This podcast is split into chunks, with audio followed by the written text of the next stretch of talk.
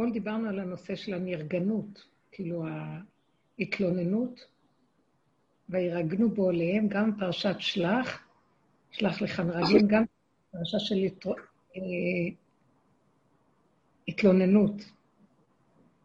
אמרנו אתמול שתודעת עץ הדת היא כל כולה מרירות ותלונה. מר לה, אפילו אם יש לה איזה רגע של שמחה, זה רק זמן קצר, כי אחרי זה מיד אחר כך יש לה מרירות. זו שמחה שתלויה בדבר, ועצבות שתלויה בדבר. מהו הדבר? בעל דבר. מי זה הבעל דבר? זה המציאות של הנחש של תודעת עץ הדת, היללן הגדול. תשמעו, זה לא פשוט שאנחנו באים ואומרים דברים כאלה, כאילו, מה אנחנו כבר משאירים לעצמנו, איזה אפשרויות? כי זה החיים פה. ככה זה החיים עלי אדמות. אבל התודעה הזאת רוצה להביא אותנו למקום, התודעה החדשה רוצה להביא אותנו למקום לרדת מהסגנון הזה של החיים.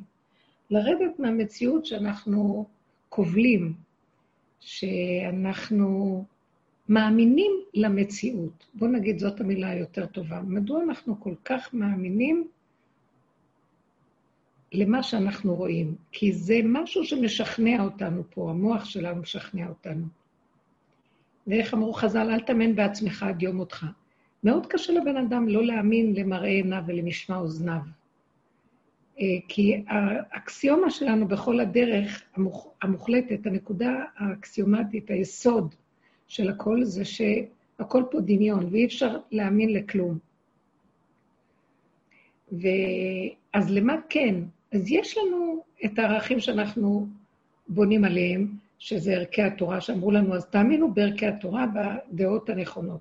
אבל אנחנו כאן מפחדים מהדעות גם כן, כי גם שם מתלבש דעתנות, הרגשות, אגו, ישות וכן הלאה. אותה תודעה של עץ הדת השלילית, גם היא מתלבשת בחיובית, וגם היא סוחבת את הבן אדם לסיפוקים, לרגשות, לגאווה, בפעם ייאוש וכן הלאה, זו אותו תוכנית מתיישבת שם. אז מה שאנחנו מציעים בדרך הזאת, היא דרך שבאמת אליהו הנביא הוא זה שבא ומלמד אותנו, הוא הדרך של לרדת מהתודעה. איך לפרק אותה, לקחת את הפנס מבחוץ, ממנו ניקח לעבוד את השם. מהבחוץ ניקח לראות מה, איך אנחנו בעצם נראים. ואז נתחיל להבחין שהמצוקות שלנו זה אנחנו, והמחשבות שלנו זה אנחנו יוצרים אותן. הפרשנות על הדבר, המשמעות על הדבר, סך הכל יש נתון, אפשר גם לא לקבל אותו, אפשר גם לא לתת לו ממשות, אפשר רק להסתכל בו, ואפשר uh, לעבור לידו. לא רק זה, בעבודה הזאת אנחנו גם נדרשים לפרק לאט-לאט את הכל, אז לאן אנחנו מגיעים? אנחנו עוברים דרך חתחתים, לא פשוטה.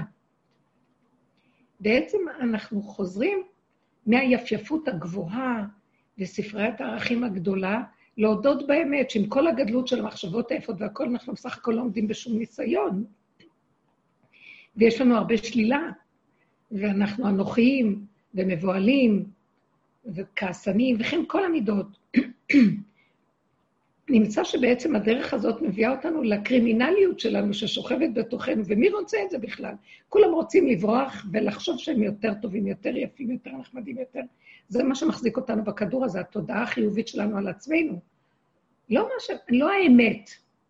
מאוד קשה לבני אדם לכרות ברית לאמת ולהגיד, אבל האמת יותר חשובה מהכל. אבל האמת היא יותר. יותר מהדעה, יותר מהרעיון, יותר מה שהיה צריך להיות, יותר... האמת היא איך שזה ככה, מה שמצוי, לא מה שרצוי. וזה מאוד קשה לבני אדם, זה מאוד מאוד קשה. עכשיו, אני רוצה להגיד, זה קשה לבני אדם, ואז כל הזמן אנחנו כולנו בורחים בחזרה להתפשר עם המחשבה החיובית של עצמנו. זה מאוד מאוד קשה לוותר עליה. זה מראה שאנחנו בעצם אה, קשורים עם הדמיון שלנו, ואנחנו מפמפמים את עצמנו. אם, אני, אם אין אני לי מילי, מי ייתן לי את המחמאה? מי יחזיק ממני? מי יעזור לי לראות שאני אה, משהו, אם לא אני שיחזיק במחשבה מעצמי, או איך עשיתי את זה, איך כולם הסתכלו, ואיך כולם אמרו, ואיך הם עשו לי וי, וכל הילדותיות השקרית הזאת, וככה אנחנו תלויים כל הזמן בעולם ובאנשים ובמה יגידו, ונתלים כמו בקנה משענת הקנה הרצוץ, עלה נידף. אבל זו התרבות שלנו, ומה נעשה? באה הדרך שלנו ואומרת, תתחילו לראות את השקר של זה. מה השקר? את התלות במה שמישהו אחר יגיד לי, ובזה אני תלוי. וזה מה שנותן לי את החיות שלי. אם כן, אני אומר לעצמי, אז למה לא? בגלל שאם מחר לא ייתנו לי, אני אהיה בצער. מי זה האיש החפץ חיים, אוהב ימים לראות טוב? מי רוצה שיהיו לו חיים טובים? מי שהולך בדרך שלנו. אומנם התהליך הוא מאוד קשה, כי אנחנו אז מודים ואומרים, אני הולך עד הסוף על הקופה, לא מוכן יותר להתלקק ולהזדקק כמו אני בפתח לאנשים שיגידו לי מילה טובה, שיסתכלו עליי, שיחשבו שאני משהו, והפחד והחרדה מזה שהם אה, ישפטו אותי, ידונו אותי, ואז אני כל הזמן מתלקק ומתקרבן להם ומרצה אותם. נמאס לי מהתלות הזאת, אני תשוש ועייף ויגע, ולא ירא אלוקים. זה עמלק שולט בי. כמו שכתוב, זכור את אשר עשה לך עמלק בדרך אשר ככה, אשר ככה בדרך בצאתך מצרים, ואתה עייף ויגיע ולא ירא אלוקים. זאת אומרת, הוא תופס אותנו כי אנחנו תשושים ועייפים, ומין כאשר עבדנו, עבדנו, כי מה יש לנו, מה יש לנו מהחיים? לפחות שיהיה לי איזו הרגשה טובה רגע וזהו, אכול ושתו כי מחר נמות. אבל uh, יש משהו בדרך הזאת שהיא לא קלה, כי אנחנו הולכים ומפרקים את הדמיון ומתחילים לראות שאנחנו, מי אנחנו באמת? שקרנים, רמאים, גונבי דעת עצמית, וגם של אחרים. ורוצים בשביל נזיד עדשים, אה, שיהיה לי הרגע הזה. טוב, מה אכפת לי כל ה... וזאת האמת, אז בוא נודה בזה. אז לא אכפת לי אם הייתי רק רוצה לחיות את הרגע איך שזה ככה. כי זה בסדר גמור, כי זה נכון. אבל למה אני תלוי באחר שייתן לי את הרגע שלי? זה לא בסדר. אז להסתכל על המצב שלי ולראות אותי, זה שוק בשבילי, זה קשה, זה עושה לי כאבים, עדיין זה האגו שלי שרוצה להיות וייתם כאלוקים מושלם, בתהליך של הפירוק, הוא לא יכול לסבול לראות את עצמו איכשהו.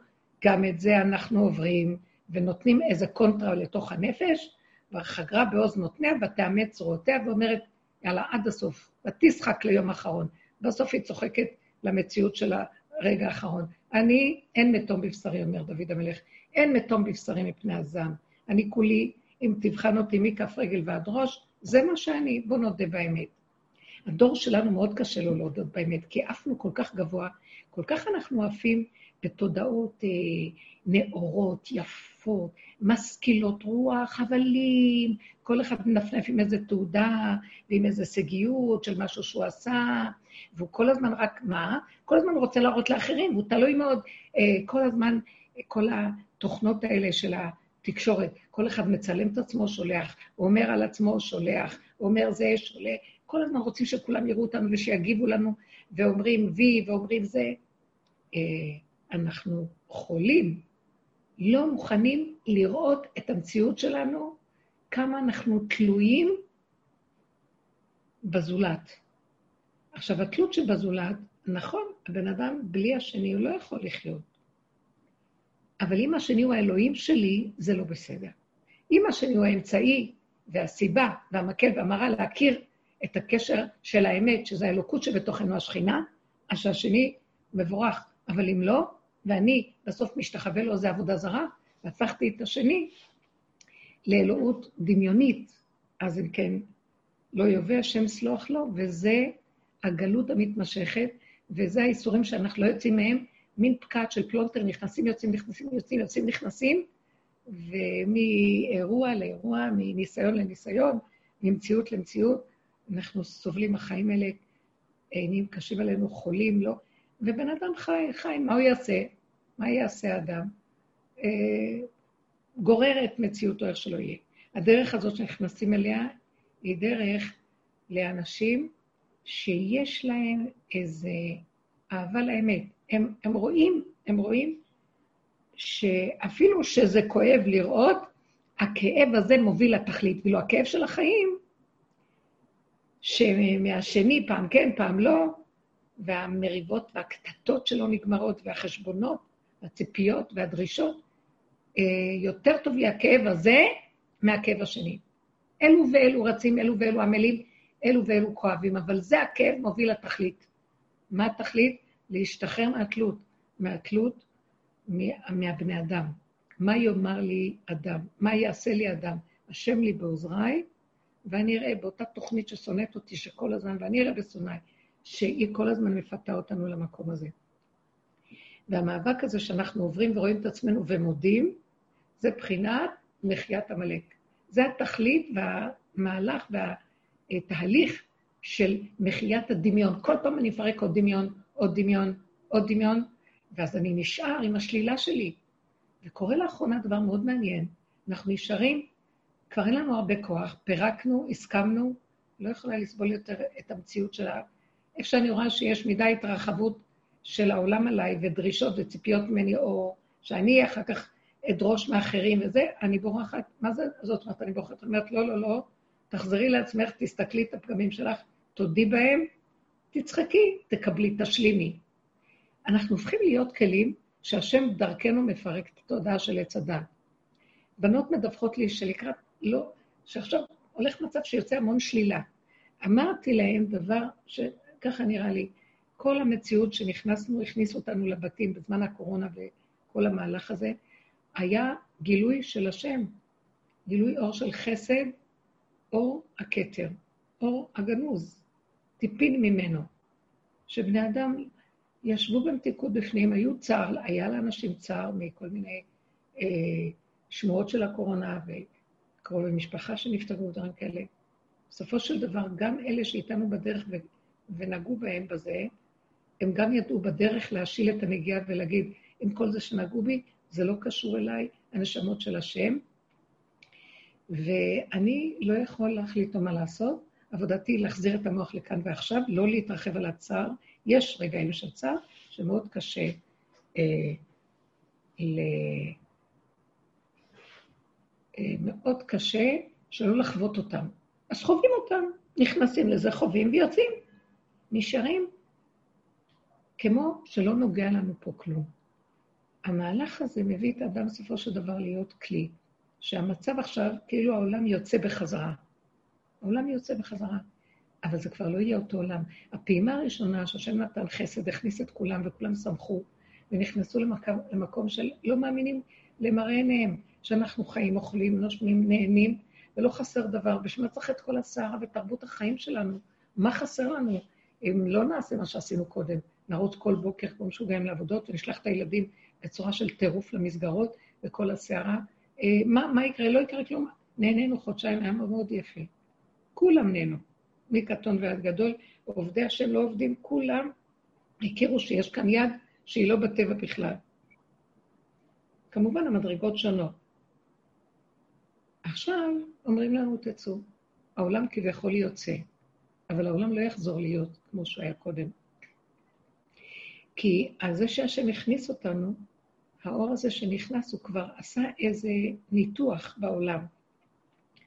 עשה ניתוח לקליפה. אפילו שנראה שחוזרים, זה לא אותו דבר. אני ממש מרגישה שאין חשק למציאות של החיים כמו שהייתה קודם. אין, אין את המציאות, אני לא מאמינה במציאות. וגם קודם ידעתי את זה, עכשיו, בחוויה יותר חזקה, אני ממש רואה שהכל כאילו. הכל כאילו ועומד על כרת תרנגולת, ונראה שכל רגע עוד יכול עוד פעם לחזור משהו. בפעימה הזאת, זה כבר לא יהיה ברחמים כמו שהיה בהתחלה, ככה זה נראה. זה יהיה, ידרשו, זה יהיה כבר יותר, שידרשו מהאדם במידת עדין יותר. כלומר, תחזיק את עצמך. ידרשו מאיתנו עובר עכשיו גל של שלילה. בנות חוות הרבה שלילה שעובר עליהן.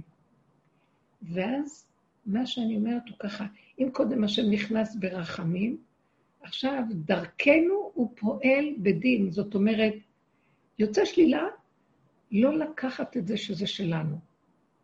אמרתי, נגמר. לחזור לרגע ולסגור את המוח. אה, דיברתי, אז דיברתי. עשיתי את המציאות הזאת, לא לבקר את עצמנו, לא לדון, לא לשפוט, לא לדרוש מהשני, לא לצפות כלום. במילא אנחנו מתכווצים לתוך המציאות של עצמנו, והופכים את המציאות שלנו רק לרגע. רק לרגע, רק לרגע השלילה הזאת הייתה.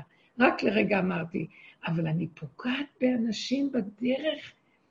אני לא פגעתי, נקודה. אני אמרתי, וכל השאר כבר לא קשור אליי. אני לא עושה את זה בכוונה. מדברות איתי בנות שהעבודה שלהן מדהימה, 20 שנה. והן אומרות, יוצא לי השלילה כמו שאני בחיים לא חשבתי. ואני פוגעת, אני מתקוטטת, כל מי שמתקשר אליי בטלפון, ואני לא מבינה מה קורה לי. אז מה שיכולתי להגיד לה באותו רגע זה, זה עובר עכשיו גל כזה, זה לא שלך. זה השם דרכנו מתגלה בעולם, הוא מתגלה כבר במידה יותר חזקה של דין. זה לא שלך הדין. אפילו אם נראה שמשהו פוגע בחוץ, הוא ככה מתקן את עולמו, זה לא את. אל תקראו לזה שזה שלי. אז איך, מה נעשה? אם תיתנו את המחשבה, תיפתח, תיפתח לכם המוח ותתחילו לחשוב, אוי, מה עשיתי? למה עשיתי? כן עשיתי, זה כואב לאנשים. אני לא הגונה, יצא לי מדי כעס. אין לחשוב, אין לחשוב. לסגור, לחזור לכאן ועכשיו. כאילו לא הייתי אני, כי זה באמת לא אנחנו. זה דרכנו עובר משהו, ומטפל באנשים שסביבנו. זה לא קשור אלינו בכלל. זה לא, בכלל לא הדרך שאנחנו רגילים לעשות חשבון נפש, לחזור, לראות את העניין, אה, להתאפק, להכין. כלום. אי אפשר גם להתאפק, כי אנחנו בצורה, אנחנו במצב של גולמיות מאוד מאוד קטנה, הכל, הכלים מאוד קטנים רוטטים, אה, גולמיים, גבוליים, ולא יכולים להכיל. אז אם יוצא, זה לא שלנו בכלל, דרכנו פועל משהו. אני לא... מי זה גורם שאני אחשוב שזה אני? אז תגידו, טוב, אז אנחנו בהפקרות. גם אם אני אגיד שאני בהפקרות, זאת תהיה ההפקרות שלי. אני מפקירה את הכל להשם. לא לאני שלנו בכלל. אין חשבון בכלל. אנחנו בחינה של מתנו, מתים. הוא חתך, חתכו את הראש של הקליפה. עכשיו אסור להרים אותה עוד פעם. ואם משהו עובר דרכנו, זה עובר בשביל הסובב. אסור לנו לחזור ולהגיד, זה אני, ואני עכשיו אעשה עם עצמי לעצמי. זה מין משהו הרבה יותר חזק, הרבה יותר גבולי ואמיתי, ושמה הרחמים של השם חייבים להתגלות בגלל שזה מסוכן. הוא פועל דרכנו, ואני לא רוצה להיות כלי משחית של השם, אבל הוא צריך את הכלי שלי לצאת. אז אם אני לא עושה חשבון ומתחילה לפתח את זה ולהתרחב, מה עשיתי? למה אמרתי? איפה אני? מה קורה לי? שום השקפה, שום כינוי, שום הגדרה, שום כותרת ושום תיוג באיזה מדף של ספרייה. ככה וזהו. זה לא קשור אלינו בכלל. אבל אני גבולית, תשמור עליי. אתה לא שומר? זה מציאותי. אם אנחנו מגיעים למקום הזה, זה הסוף של כל הדרך, העבודה. כי ככה וזהו. שם הוא מתגלה בי"ג מידות הרחמים באים. לא לשאול שאלות, לא להתלונן, לא להיות נרגע. אנחנו הסתכלנו על זה בפרשה הקודמת וראינו. משה רבנו עוד צועק להשם על כך שבני ישראל מתלוננים, ואין להם הכרת הטוב לכל מה שעושים להם. גם הצעקה של משה היא בחינה של התלוננות, כמו שאמרנו. אבל הוא מבין שההתלוננות שלו, שמביאים לו בני ישראל, זה ניסיון עבורו, והוא נופל בניסיון הזה, אז הוא מבין שהשם אומר לו, ממך, למה הבאתי אותך למקום הזה? אני מצפה שתפסיק, תעצור את הגירוי תגובה הזה, ואתה תעצור את זה קודם. כי לך יאה, כי לך נאה. לא להגיב. היה, היה. אמרת, אמרת. עשית, עשית. כמו שהוא אמר, אנא כל רפן עלה למרים, תפילה קצרה ולא חשב. ככה אנחנו צריכים לקחת מזה דיוק, מיקוד, אין אני, אין תודעת עץ הדת שפותחת ועושה השקפה ומתחילה לדון ולקרוא לזה שמות ולעשות עבודה. כביכול נגמרת העבודה, הסוף של העבודה זה המקום הזה. מה המקום? אה, אין מקום, זה לא אני, עובר דרכי. אני אומרת לכם, זה מהלך חדש. אני ממש מרגישה אותו, שעכשיו הפעימה הזאת הולכת להביא לנו את המהלך הזה. הפעימה שעכשיו העולם כביכול חוזר לסדר, הוא לא יחזור לסדר. דורשים מאיתנו חוזק, מידת הגבורה. איפוק פנימי, מה האיפוק שלנו? לא לדון את עצמנו, לא לשפוט, לא לקחת את זה שזה שייך לנו. הכל שייך להשם, זה לא קשור אליי כלום. לא שלי פה כלום. אני לא רוצה להיות שייך לתודעה הזאת יותר, אני לא, לא רוצה להיות, אה, שיהיה לי חותם בה, כלום. שמה הוא מתגלה מידת הרחמים, והיא תביא, תבוא לעזור לעולם במצוקה. כי אנשים יצטרכו עזרה פה. השלילה תתגבר, יהיה קוצר רוח גדול. אה, כל ה... אני יכולה לתת דוגמה מכל מה שיוצא מאמריקה. זה, אולי נמשיל את זה קצת למקום שהשם ירד עם אור הכתר. אור הכתר נכנס, כל הלכלוך יוצא.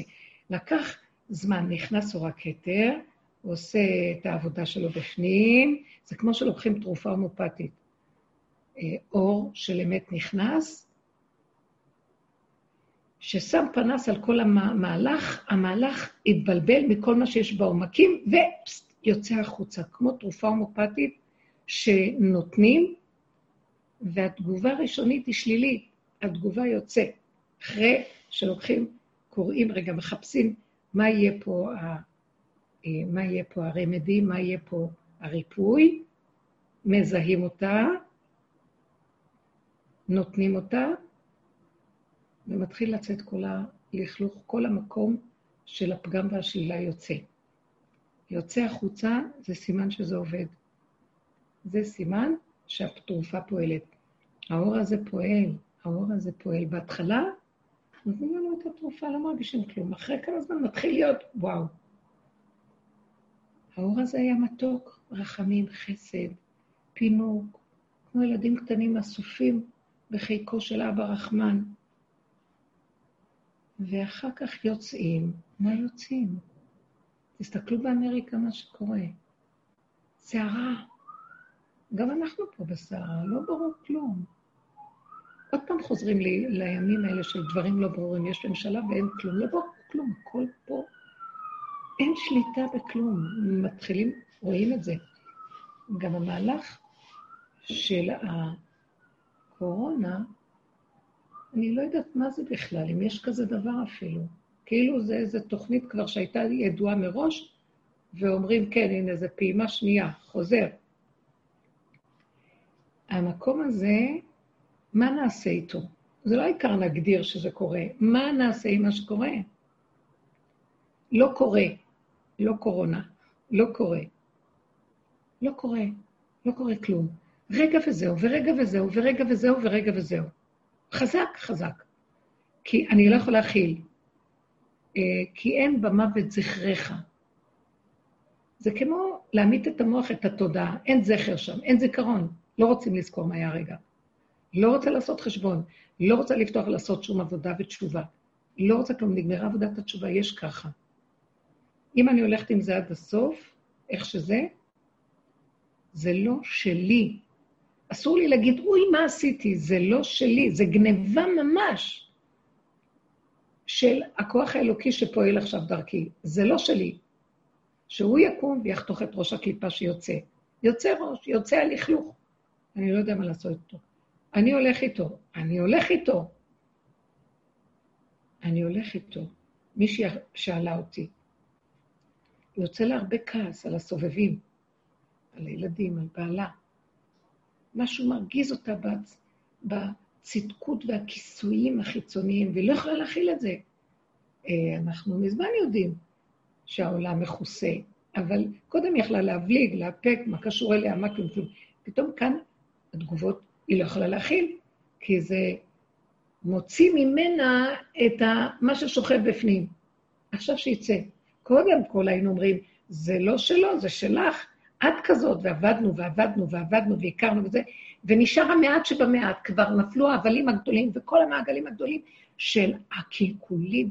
המידות שלנו מקולקלות מאוד, מאוד, והכל במסווה של יפייפות ונאורות ולמדנות ומה לא, והישגיות. בפנים מסריח הכל. אז עבדנו, הסתכלנו, ראינו, נבהלנו, לקחנו אחריות, התאפקנו, מה לא, ועוד פעם קמנו, נפלנו, נפלנו, קמנו. אי אפשר בתודעה הזאת לעבוד על עצמנו עד הסוף, אי אפשר, בגלל שהתודעה פה חזקה מדי עלינו. משה רבנו לא היה יכול לעמוד מול עם ישראל. הוא כבר גמר את התפקיד שלו בתודעת עץ הדת, לא היה לו תודעת עץ הדת. הוא הוריד את הלוחות של האור הגנוז בפעם הראשונה, במתן תורה. אבל ההשפעה של עם ישראל הפילה אותו, הם היו במקום נמוך. עבדים שיצאו ממצרים, ועם כל זה שהם ראו במתן תורה, וש... ראו על הים מה ששפחה ראתה מה שהנביא יחזקאל בן בוזי לא ראה, וגם במתן תורה משהו, משהו, הכל נעלם, וחזרו לתודעת העבדות. יללה וכעס ורוגז, חרדה ופחד וכעס ושנאה ותחרות ומה לא. כל המקומות ששם הם צועקים ומתלוננים להשם. הכל זה בלתי ניתן להבנה בכלל. איך? אחרי כל המראות הגדולות שהם רואים, משה רבנו גם נופל בקליפה שלהם. הוא לא יכול לשאת איך הם לא רואים את ההנהגה הניסית הנפלאה שעובדת איתם. והטענה היא, איך אתה לא רואה שמשהו אחר? מה הכעס פה? אז אם כן יש לך טענה, יש טענה, תטען על הנקודה שלך. ההתלוננות הזאת נגיד ההתלוננות הזאת. המקום הוא בסוף לקחת את הראש הזה ולהכניס אותו למציאות של אין תלונה ואין מענה ואין טענה ואין, ויש רק איך שזה ככה. אה, שיהיה דין מה שלא יהיה, מידת הרחמים נכנסת פה. כי זה לא של אף אחד. זה מעת חושב שבדווקא כל הסיבוב הזה קורה כדי להביא למהלך הזה של גילוי י"ג מידות הרחמים. ובסוף משה הבין את זה. כל הניסיון שלו מול העם, להיזהר לא ליפול בקליפה שלהם, ובסוף רק לשתוק, ורק ליפול על פניו ולבקש כל הזמן רחמים. אה, ממש לבקש על עם ישראל. לא לתת לתלונה ולא לתת למצב שלהם, שהם שבויים בתודעת עץ הדת, להפיל אותו גם כן בקליפה.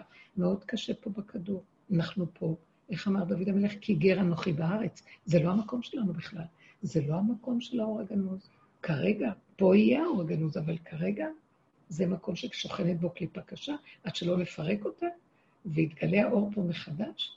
זה גם יכול להיות רק לזמן קצר, ואחר כך כולנו הולכים לתודעה אחרת.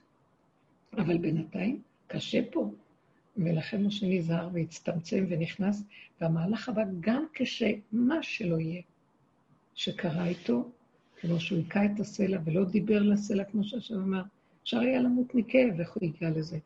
לא, סגר את הנקודה, גם שהשם אמר לו, אתם לא תיכנסו לארץ ישראל, יען כי לא קידשתם אותי לעיני כל בני ישראל, בגלל שאתה לא הלכת עם מה שביקש לך, אתם לא נכנסים לארץ ישראל. תקשיבו, זה פשוט. הלוא כל מטרת משה רבנו זה להכניס אותם לארץ ישראל, וכי לאכול מפריהו צריך ולשבוע מטובה. יש כאן סודות מאוד עמוקים. אם היה משה רבנו נכנס לארץ ישראל, נגמר. הגאולה הייתה באה באותו פעם, והגאולה הנצחית. הוא רצה להביא אותם למצב הזה, הוא לא רצה את כל הגלויות אחר כך. הוא ראה וצפה מה שיכול להיות, הוא לא רצה את זה. ככה זה וזהו זה. קיבל והמשיך.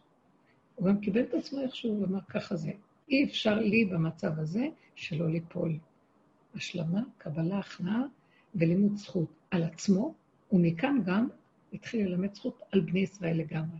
הוא לא התחיל, אבל הוא תפס את המקום הזה, שמהמקום של זעיר אנפין, שהוא מידת הדין, זה האמת שבדין, זה כל הזמן דין ודרישה. וזה השכר ועונש, והבחירה למקום שמי יכול לעמוד בבחירה הזאת בכלל? מי יכול לעמוד ברגע אחד? כלום. אפילו שההנהגה של זעיר אנפין עוברת דרכו לאורך כל תקופת המדבר, אבל תמיד הוא זוכר שהמציאות שלו היא רק ללמד זכות על עם ישראל, כי אף אחד לא עומד בכלום. ונפשו של משה שפלה עליו יותר מכולם, כי הוא קלט את הנקודה הזאת.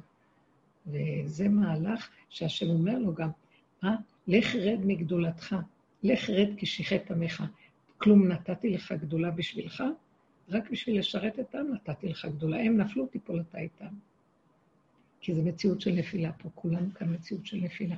והחלק האחרון זה לא להתלונן, אפילו ביני לבין עצמי, למה נפלתי? ככה וזהו. לא נפלתי. אני תמיד נפול. לא שהייתי במקום אחר ועכשיו נפלתי, זה נדמה לי שאני רק במקרה נפלתי. המציאות שלי נפילה. וכל השלילה שיוצאת עכשיו זה כדי שנסכים ונשלים. אנחנו מציאות של שלילה ונפילה. אז מה לעשות? נמות? לא. נקבל, נשלים, נצחק, נעלם את הקליפה. זה לא שלנו, כי אין אנוש שיכול לעבוד מול קליפה כזאת. אין אחד שיכול להגיד, עשיתי את זה.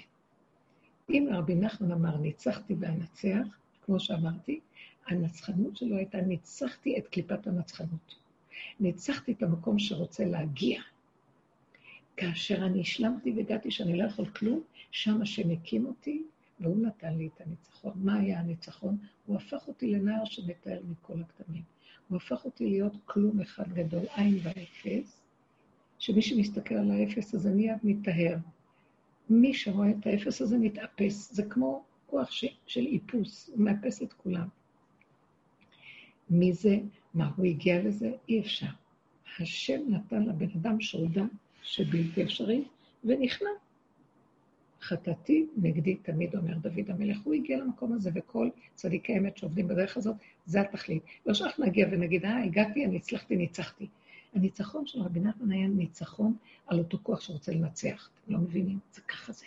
כי אף אחד לא יכול לנצח את הקליפה הזאת. זה, אתם יודעים מה הפלא? זה בורא עולם בכבודו ובעצמו מתלבש שם. מאחורי כל זה יש בורא עולם. והוא שם את העלילת דברים הזאת כדי לבחון אותנו. זו מזימה מאוד נעלמה ונסתרה מעיני כל חי. והוא רוצה שנגיע לנקודה, מתי יבואו בני אדם למקום הזה, שישלימו, יצחקו, ולא יישברו משום דבר. למה? כי מה אכפת להם? אם זה יהיה ככה או יהיה ככה. הם נושמים, מה יתונן אדם חי? די לו שהוא חי. שלום. לא תפסתי את הנקודה. זה מאוד קשה לתפוס אותה, כי זה בדם שלנו, הרצון להיות אלוקי, להיות גדול, להיות יכול, להגיע, לעשות וי, איזה סיפוק. סיפוק של השטן. אז העבודה שלנו היא, איך שזה ככה, הכל בסדר. אז איפה יהיה המבחן הגבוה ביותר, אם אני במקום? בשלילה. הוא מביא לנו עכשיו גל של שלילה, אבל תכף, בנו, גל של שלילה. תסתכלו על הכל. זה לא יאומן, הכל מתחיל להתערער. קודם לא הרגשנו בזה, היה מין אור מתוק. ואמרנו, הנה הגאולה, אז אל תהיו השם לא פראייר, הגאולה לא באה בלי שקודם כל יהיה חיובי. השם קנה מראשית דרכו, נותן לי את כל הכיפים, שמח אותי. הכל אחר כך תוקע לי, אומר לי, הנה, עכשיו תיכנסי, בוא תתני לי את המהלך של המבחן האחרון. שלילה הכי גדולה, ואת לא נשברת. וואי, חבר'ה, זה לא פשוט. עכשיו, אתם יודעים איך עוברים את זה? אי אפשר לעבור את זה רק דבר, אי אפשר לעבור את זה. אתם יודעים איך? מה שאני רואה. רק את הנשימה וכאן ועכשיו, לא יודעת, לא מבינה, לא יכולה להכיל, אין לי כוח לדון, לשפוט את עצמי, אין לי יכולת לסב, טיפת סבל, טיפת מצוקה של משהו שדן את עצמו, לא יכולה, לא יכולה, לא יכולה. אני צריכה לאכול טוב, לישון טוב, להתלבש, לעשות מה שנעים לי, טעים לי, לטפל בסביבה, בדרגות שאני יכולה, וטעים לי, לא ללכת בגדולות ובנצורות, לא ללכת במטלות וביכולות, לא לדלך לנו, הכל יהיה שם כאוס. השלילה מושכת את הבן אדם, והוא ייכנס לתוך זה זוועה. מיד לעצור אותה ולהסכים איתה. אם תראו את עצמכם עושים חס ושלום דבר הכי לא מתקבל על הדעת, תעמדו שם, תסתכלו ותגידו, לא קשור אליי. אתם יודעים איזה חוזק זה? זה הניסיון האחרון. האם יש לי מישהי שאלה במה שאני מדברת עכשיו? איך אנחנו מתאמנים, מתאמנים בנקודה של סגור, גל נעול, גל נעול, נעילה. לא קשור אליי פה כלום, לא שלי פה כלום. תראו, יש מדרגות לכל דבר. אני מדברת איתכם על המדרגה הזאת עכשיו. כמובן שישאלו בנות בדרגות שונות, וכל אחת תגיד מאיפה שהיא נמצאת. וצריך לזהות מהשאלה איפה היא נמצאת ואיך לעזור למהלך הזה. בבקשה. נגמרת החרטה, אין לי כוח להתחרט. בפרשה הזאת הם עולים, הם, הם נרגמים בעולים שלהם, והם מייללים ובוכים על, על, על הארץ, הם בכו לאיזה ארץ השם הולך להביא אותם, כי המרגלים החלישו את ליבם, הכניסו בהם חרדה ופחד ודמיון של שלילה מאוד גדול על ארץ ישראל, מה עכשיו יהיה? ואז השם אומר להם, השם אומר למשה רבנו, עד, עד מתי נעצוני העם הזה, וכל מה שכתוב, כן? וזה בספר הדברים שהוא כותב. אה, אז השם אומר להם, אתם לא תיכנסו לארץ ישראל, ואף אחד מהאנשים של הדור הזה לא ייכנס לארץ ישראל, חוץ מכלב בן יפונה ויהושע. אבל אה, עכשיו הם תופסים שהם עשו דבר נורא. הם אומרים, טוב, אנחנו נקום מחר ונילחם עם עמלק שעולה כאן כדי לכפר על עוונותינו, שאנחנו ככה היינו נרגנים. משה אומר להם, אל תעלו ואל תילחמו, כי השם לא יהיה בקרבכם, אתם סתם תנגפו, ויהיו לכם קורבנות. אל תעלו. והם לא מקשיבים. מה מוליך אותם? החרטה. אנחנו נכפר על מה שעשינו. ועמלק, כמו שאמר משה רבנו, הפיל בהם חללים רבים, והם חזרו אבלים וחפויים עם קורבנות גדולים. תראו מה הדמיון של החרטה עשה להם. אבל אנחנו נמצאים בתודעה כזאת. אנחנו חושבים שזה טוב. מתחרט. אני מתחרט כדי לתקן. אי אפשר לתקן, מעוות לא יכול לתקון. תתחרט. מה זה החרטה שלנו באמת? זה להכיר שאנחנו לא יכולים. להתחרט, למה בכלל הולך בגדלות? כי אני לא יכול כלום. אבל להתחרט ולהגיד, טוב, עכשיו אני אתקן ואני אחזור למקום איפה שהיה קודם, יותר טוב ממה שעכשיו, אין דברים כאלה בכלל. אני רוצה לשמוע מכם מה אתם אומרים, בבקשה. הרבנית? כן. זאת ורד. ורד, מה נשמע? ברוך השם, ברוך השם, תודה. אמ, יותר ויותר מתברר לי שבאמת חוץ מלראות את הפגם ולהודות בפגם, אין לי מה לעשות. אבל מה קורה בכל זאת אם פגעתי מצד המקום של, ה... אמ, של הסליחה? של הסליחה? מול האדם השני. אני אגיד לך, את יכולה להגיד משפה לחוץ סליחה, אבל את, אל תאמיני בזה באמת. את לא פגעת. כי ישר האגו בא ואומר, אני פגעתי. את לא פגעת. הבן אדם השני נפגע, כי ככה זה התוכנית של עץ הדת. את לא הלכת לפגוע בבן אדם באמת. את יצא לך, יצא לך הנקודה שיצאה. אל תצטערי ואל תתחרתי ואל תתנצלי. כאילו, רק במקרה זה קרה לי, ממחר אני אהיה בן אדם אחר. לא. ככה זה היה, וזהו.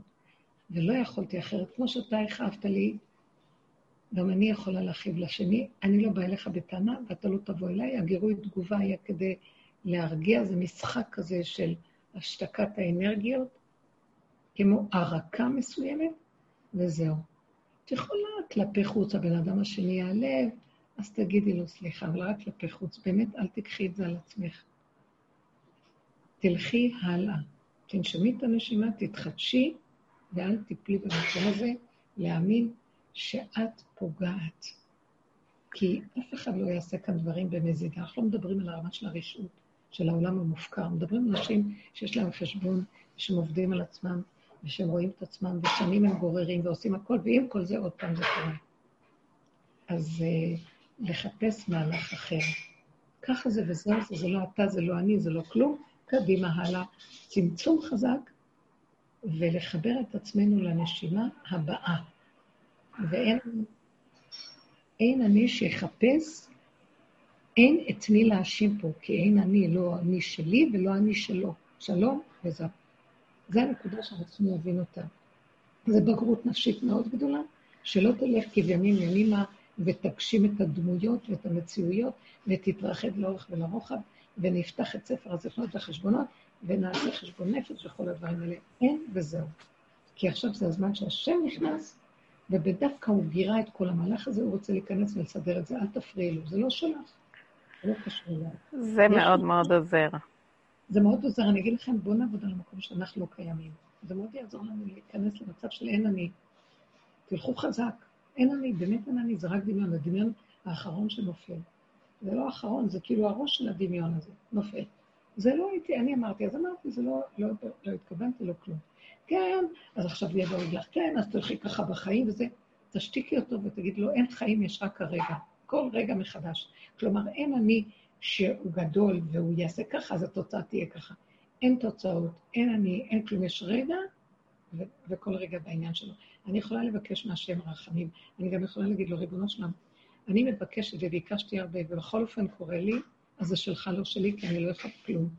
לא יכולה כלום, אל תבוא אליי.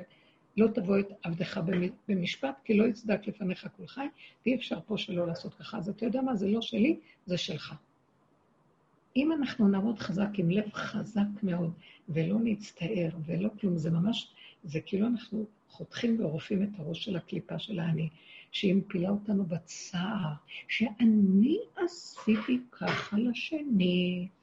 זה שקר וכזב, אין אני ואין שני ואין שלישי, ואין עוד מלבדו, בואו נחזיר את זה אליו. אז אנחנו מחייבים לשני. אם אני סוגרת ולא עושה חשבון עם עצמי, גם השני יסגור ולא ירגיש את זה. הוא לבד ירגיש שלא עשו. אתם מבינים? כמה הם פנים בפנים, כן, כמו שהמוח שלי עכשיו לא יודע מי אמר, מה לא אמר, כלום. אין שני, אין אני, אין אף אחד, גם הוא יסגור ויגיד, אין אי, אין אני, אין אף אחד. והוא לא יעלב. ואפילו אם כן, זה רק רגע, תסגרו. הלוואי שנגיע למקום הזה. הלוואי שנגיע למקום הזה. אמן, אמן. הלוואי, ורגע. כן. תהיו חזקות, זו דרך שצריכה צמצום וחוזק. זה בריאות הנפש, זה בריאות הנפש שלנו, זה אפשרות לגלות את מלכות השם בעולמנו. זהו, לתת לו את המקום במקום האני הזה, הגדול והחשוב, שהוא כל הזמן עושה חשבונות, הוא לוקח אחריות. האמת שהיינו, היינו, אי אפשר לבוא לעבודה הזאת ישר, מההפקרות. עשינו המון עבודה, לקחנו אחריות שאף אחד לא לקח על עצמו. כבר מתנו, ועדיין הראש הזה כאן, אז זה שלך, לא שלי. זהו. למי יש עוד שאלה? הרבנית, אה, שלום, ערב טוב לך, זאת עופרה. ערב טוב. אה, אני לא, אני לא יודעת אם זאת שאלה, אני פשוט אה, שומעת אותך, ואני אומרת, אמרת בשיעור, אנחנו כבר בגאולה, מה אתן רוצות ממני? אנחנו חיים בגאולה. ואני אומרת לעצמי, איך זה שאני כל הזמן רוצה להקשיב לשיעורים? ואני מבינה את זה שיש בדברים האלה חידוד כל כך עמוק, כל כך כמו איזה לייזר שמחדד לי את התודעה לרמות שאני יכולה להתהלך עם זה ביום-יום, בשקיפות וממש בצמצום, ואוחזת בנקודה הזו, וכל יום שאני שומעת עוד שיעור, אני אומרת, וואו, זה עכשיו עוד יותר חזק. כאילו זה נותן לי המון אה, כוונון מחודש. אני מרגישה בגאולה, אבל יחד עם זאת אני מרגישה שזה מדייק לי את התדר, כן. את, ה, את ההליכה שלי ביום-יום. כן, כי אני אגיד לכם, זה לא, תקשיבו, זה ממש, אני מרגישה שעומד לי על הפה משהו, זה בורא עולם. ככל שאנחנו מתקדמים בנקודה, הוא מכוונן יותר, הוא דק יותר, מתגלה יותר, זה עדינות יותר, זה דקות יותר, זה ננו, זה, זה, זה דיוק. וזה הוא מתקדם איתנו. תדעו לכם, הוא מתגלה רק דרך השלילה, אל תפחדו מהשלילה. רק תנתקו שייכות אליה. תנתקו את המוח שמפרש, שמתרחב, שמכניס אותנו לצער, רגש ונפילה. אנחנו נפולים, נקודה. עצם זה שאכלנו מעץ הדת, אנחנו מציאות של נפילה. השלמה והקבלה מוחלטת, ומוסרים את ההנהגה לבורא עולם, שם הוא ייכנס, והוא יחיה את הנופל הזה. זה לא קשור אלינו פה כלום. חזרנו לתכלית של כל התיקון הזה. בחרנו להודות באמת, במקום לבחור לתקן כל היום, ולהיות אה, גדולים עוד פעם מחדש. הודינו באמת, הכרנו שאין לדבר כזה, חשש כוחנו, אבל אנחנו לא בשיוורון, כי אם אני עוד בשיוורון, וכבר אין לי כוח ותשש כוחי, זה עדיין הכוח שלי שרוצה להיות משהו. והוא עצוב, כי הוא לא משהו, אבל הוא מודה. לא, בשמחה תצאו. היא בשמחה תצאו. להודות את הכל בצחוק. את הטענה שלי פה. מלכתחילה לא היינו אמורים לכל זה. סוף סוף גילינו שזה רק התרמית הנוראית, שנותנת לנו את כל הגדלות וכל זה.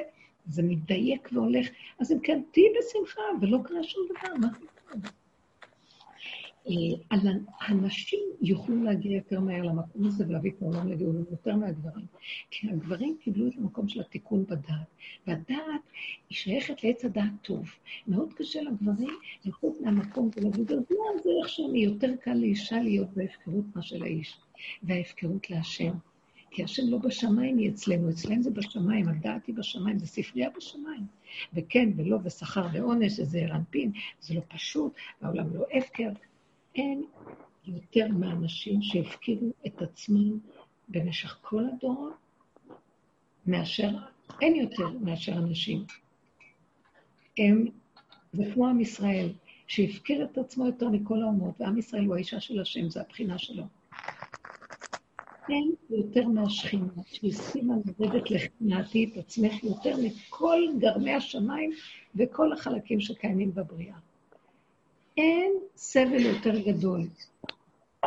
נכנסנו בהפקרות עם השם, ככה הוא רצה אותנו.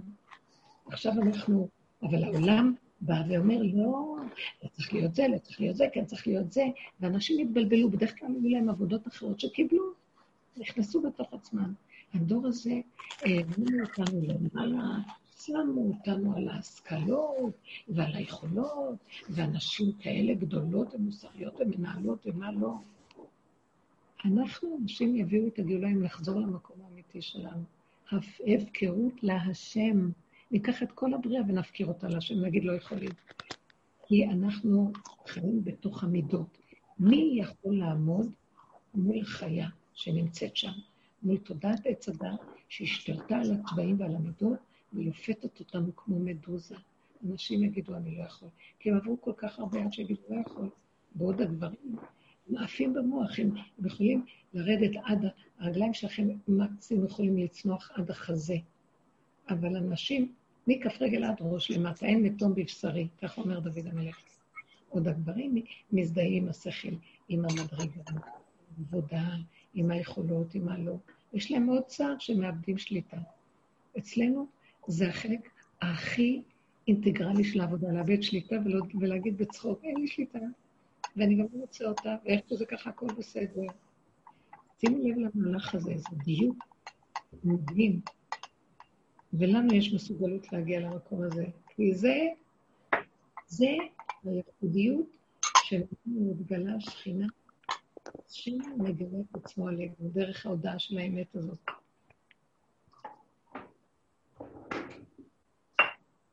שומעת נדע. זה הולך ומתדייק לנו.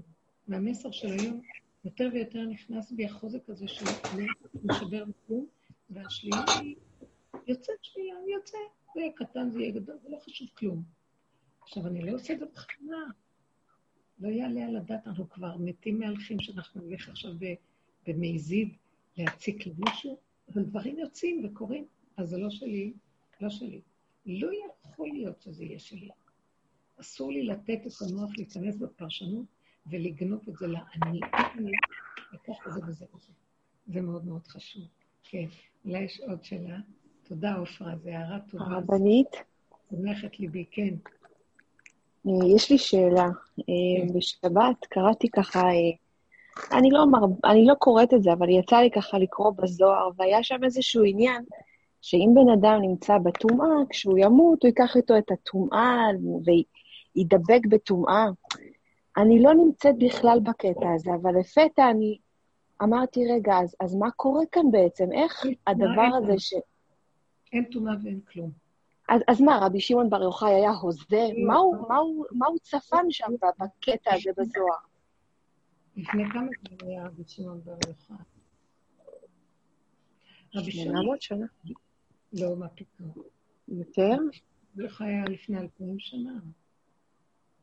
עוד לפני. אוקיי. לפני שיצאו לגלות. בזמן השנה, מי התלמידו של רבי עקיבא, מהגמרא. אני ניסיתי, לה... ניסיתי להבין מה הוא בעצם מנסה להגיד לי בדרך עכשיו, עם, עם האמירה הזו. מה אני אמורה לעשות עם זה בכלל? קודם כל תביני, רבי שמעון בר יוחאי פירש את כל התורה, והפוך בה והפוך בה דכולי בה, ויש לו את כל העניינים. יש לו פירושים שהם נושקים למה שאנחנו מדברים עכשיו, ויש לו פירושים שמדברים על הטומאה מול הטהרה. יש לו הכל, כי הוא מפרש את כל התורה כולה בתורת המסתר. עכשיו, מה שאנחנו פה מדברים זה המהלך האחרון, הוא היה לפני אלפיים שנה, הזוהר נכתב אה, לפני, הוא, הוא התגלה לפני שמונה מאות שנה, אבל גם לא ברור אם זה רבי שמעון כתב, מייחסים את זה לרבי שמעון, יש שם של מישהו שאומרים שהוא כתב את זה. יכול להיות שהתגלה לו רבי שמעון וכתב דרכו. אז זה אה, יצא לאור לפני שמונה שנה. אבל באמת, רבי שמעון דיבר את הדברים האלה עוד לפני אלפיים שנה. הוא היה במערה, יצא מהמערה, כן? הוא היה תנא שברח מהרומאים. אז אה, רבי שמעון מדבר על הכול, הוא מפרש את התורה מכל הכיוונים שלנו. ואם את יודעת מה, תכנסי לפרשת בלק ותראי מה זה. איזה פירושים יש לפרשת בלק. זאת אומרת, על ההיפוך של ההיפוך. שדווקא השלילה אה, היא המהלך הכי גדול שאיתה מתגלה הכול.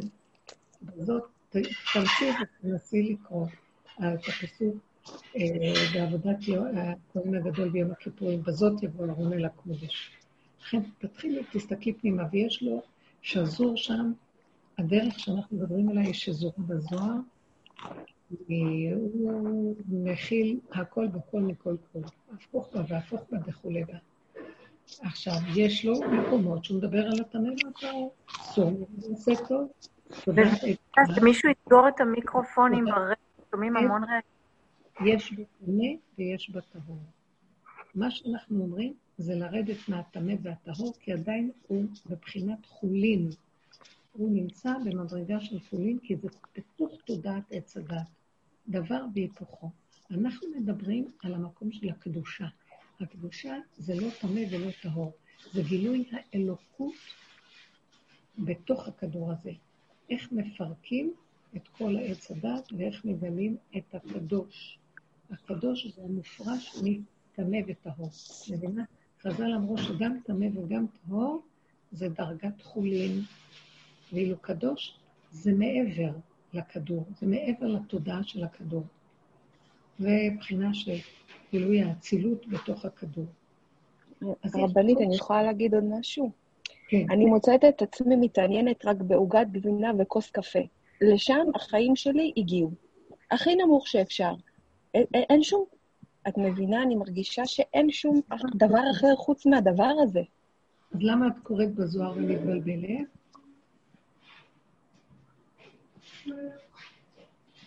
בגלל שאני מוצאת את עצמי מתעסקת בעוגת גבינה וכוס קפה. זהו. אז אני אומרת, אוי, מה, איזה מצב אני נמצאת? טוב, אז תראי, כמה זמן אתה הרבה זמן בדרך? כן, די הרבה זמן. אז תקשיבי, אל תתבלבלי. הטמא והטהור שייך לתודעת עץ הדת. אנחנו לא נמצאים כבר. זה במשניות. זה במהלך של הלימוד של סור מרע ועשה טוב. אנחנו מדברים על ההתבוננות של הקדמים עד הסוף, מפרקים אותם, ומודים שאנחנו, אה, אם את רוצה להגיד, הטמא הכי גדול שיש לו, מה שאני אגיד, סך כולו לבן, מצורע, נרקבנו ברוב, ברוב, נרקבנו בתקופה, נרקבנו, והדברים נרקב. אז נגמר גם תאומה, נגמר צער. אין אין עוד מלבדו. כי גם הטהרה נתפסת כנגד הטמעה. ולבן אדם יש מהלכים שם, צריך להיזהר מהטומאה ולהחזיק את עצמו תחת הטהרה, יש לו דרישות, יש לו עוד דעת, והדעת חייבת הבדלה. הדעת היא מבדילה. אנחנו מפרקים את הדעת ואין הבדלה. אין, יש ככה. כתר כל הכתרים. בשביל זה את צריכה להיות חזקה, ואם המוח שלך עוד שואל שאלות, הוא מתפעל מהמהלך הזה, אה, גם לי זה קורה. ואז אני אומרת לעצמי, אבל זה לא האמת. האמת שאני לא יודעת כלום. האמת שאני בכלום. אני לא מוכנה יותר לקנות את העניין של טמא וטהור, כי זה שובר אותי. אני לא מוכנה יותר לרוץ אחרי הטהרה. כי יום אני בטהרה, למחרת אני נופלת במשהו אחר. אין לי כוח, לא מוכנה. ואני רואה שזה אחיזת עיניים, ואני רוצה להיות בשמחה כמו ילד קטן שלא יודע כלום. ילדים קטנים לא מצווים בשום דבר. החזרנו את הבחירה להשם, במשהו אחר. זה התהליך האחרון. מה שאנחנו עוסקים בו זה התהליך האחרון. הבנת? כן. אל תלכי, כי לא הלכתי בגדולות ובנפלאות ממני, אומר דוד, דוד המלך, ואם לא שיוויתי ודוממתי נפשי. כגמול עלי אמו, כגמול עלי נפשי. אין לנו יכולת, אי אפשר. לגמרי. אני יכולה לפתור פה דברים שהם לא הולכים, אבל אישה הולכת לטבול במקווה מטומאת המידע, והיא בטהרה, נכון? כן. לעומת הטומאה של הנידה. עכשיו, אישה יצאה מהמקווה. אין לה כאבים כבר על כלום. הרבה פעמים נשים אחרי מקווה אומרות לי שיש להם את היצורים הכי גדולים, שהנפש שלהם לא תמיד חפוצה להמשיך למהלך הבא, בכלל שבשביל זה הלכה פה. אני אומרת, עניין הטבילה, כי אנחנו מצוות לטבול. אבל המהלך השני, שלפעמים החיבור, לא תמיד יש לנו את הרצון לחיבור. טבלנו, ולא תמיד יש את הרצון לחיבור. אז הנה, אנחנו בטהרה. אז אולי נגיד שהטהרה זה הגאולה של האדם, אז למה אנחנו במצוקה? כמה אנשים, הן נמצאות בהרבה מצבים, או שהגוף שלהם חלש, או שהן חולות, לא מרגישות טוב, אבל המצווה היא ליפול ולקיים את המצווה. אז מה נעשה? אז תגידי שזה גאולה הטהרה? הטהרה היא רק נדבך מסוים מול הטומאה. ואנחנו מדברים על גאולת הנפש, השמחה, ושלא שום דבר יכפה עליי מה שאני לא רוצה. אני רוצה, אני רוצה לחיות חיים טובים. אני רוצה להיות מאלה שאומרים, לי יש חיים טובים. זה מוכיח להשם שהוא הביא אותי לעולם, ואני מודה לו על כך שהביא אותי לעולם. אבל כשיש לנו טומאה וטהרה, גם עם הטהרה אני עוד לא יכולה להגיד לו שאני מודה לו. אני יכולה להכריח את המוח שלי לחשוב שאני מודה לו, ולאמן את המוח שלי להגיד תודה. אבל זה לא באמת. הלב שלי לא אמיתי שמח עם זה. אנחנו מדברים על מדרגת האמת, נמאס לי לשחק אותה, נמאס לי להיות בכאבים ובמצוקות. למה שכמו שאני הולך לקיים מצוות טבילה, שהיא מצווה מעניינת והיא מהנה, יש בה רוח טהרה, למה שגם ההמשך לא יהיה כזה? ולפעמים זה לא צריך להיות. תדעו לכם, דווקא שם נמצאת הקליפה הכי גדולה שמפריעה. היצר הרבה ומשגע את הבן אדם. אז למה שזה יהיה ככה? הנה, יש לנו טומאה שטהרה בידינו יותר מהכל, ומה? כתוב בפירוש, בספרים הקדושים שמנחים, כתוב במסתרים תבכה נפשה. בגלל שהצד השני לא תמיד מבין את הצרכים שלה, את הרצונות שלה, את הזה, והיא צריכה לקיים מצווה. אז מה עכשיו? אז יש לה כאבי נפש, כי לא מבינים אותה. לא מחוברים אליה, הנפש שלה היא עדינה ודקה ורוצה את זה חיבור והיא לא מוצאת את זה. אז יש בידה טהרה, דבר מאוד גדול, אבל גאולה אין בידה. הטומאה והטהרה זה רק נדבך זמני של סור ועשה טוב, של מצוות שמונעות מאיתנו כמובן שלא ניפול ב, ב, בלכלוך של הכדור, אבל עדיין גאולה עוד לא, עוד לא השגנו. כי עיקר איך אנחנו אומרים? אמר הרבי עקיבא, אה, אשריכם ישראל,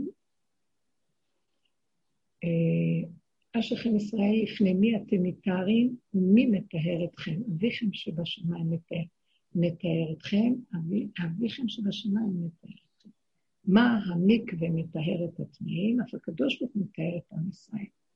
אז המקווה יכול לטהר את הטמא. אבל הקדוש ברוך הוא ימול את לבבנו ויביא לנו מדרגה של טהרת אמת.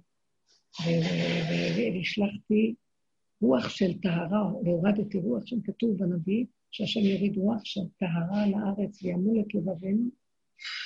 והשלחתי רעב בארץ, פה רעב ללחם לא צמא למים, כי לשמוע את השם. אהבה גדולה, לא לבן הזוג ולסבתא שלי, העבר הכיר שם עוד מלבדו, הוא שורש הקיום שלי ואנרגיית החיים שלי, ואני אוהב אותו, אני רוצה להידבק בו. זה הקדושה של הגאולה, ולא קשורה לטומאה וטעם. אוקיי. אז רבי שמעון מדבר גם על הזה. גם יש את החלק הזה בעולם, אבל אנחנו מדברים על החלק האולטימטיבי. היותר מושלם, הסופי של הכל. כן, מה את אומרת?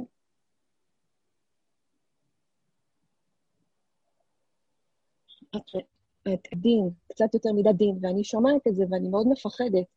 איך אפשר לרדת מזה? אין לי כוח לעוד דין ועוד פעימה. לרדת ממה? את מדברת על פעימה שנייה שאולי תהיה, עם הקורונה לא, וכל לא, העניינים לא, האלה. לא צריך, לא צריך לחשוב, אני לא חושבת. גלים של שלילה באים. למה אחרי כל מה שהיינו פה פתאום עוד פעם גלים? מה כוחנו? את יודעת, בנות ממש מתקשרות אליי מכל מקום ואומרות, גלים של זה קוצר רוח, לא יכולים להגיד ואז אני אומרת, אה, וכל מה ש... כן, במילא קורה גם בחוץ לארץ הרבה דברים, וגם פה זה מין רוח צרה. עכשיו, אני לא רוצה להכניס אותנו למצב שהשכל יתחיל לפעול מה קורה. אני רוצה רק להביא נקודה שממנה ניקח לעבוד את השם. אני לא יכולה להכיל את זה, מה קשור אליי? כלום. ההפך, זה ימחיש לי שאני חייבת להיכנס בצמצום עוד יותר גדול ולהתחדש בנקודה של הכאן ועכשיו, ולא לעשות אחד ועוד אחד ולהתרחב. אין לי כוח, זהו, אני לא מוכנה ואין לי כוח. זה המקום החדש, היותר מתקדם ויותר. אז uh, למה את צריכה להיכנס במחשבה? אל תיכנסי במחשבה, רק קבלי נקודה ממה שאמרתי, שתכיני את הכלים שלך לצמצום יותר גדול ודריכות יותר גדולה, ומיד לחזור ולא להתרחב בשום דבר, לא במחשבה ולא בהרגשה ולא בהרהורים.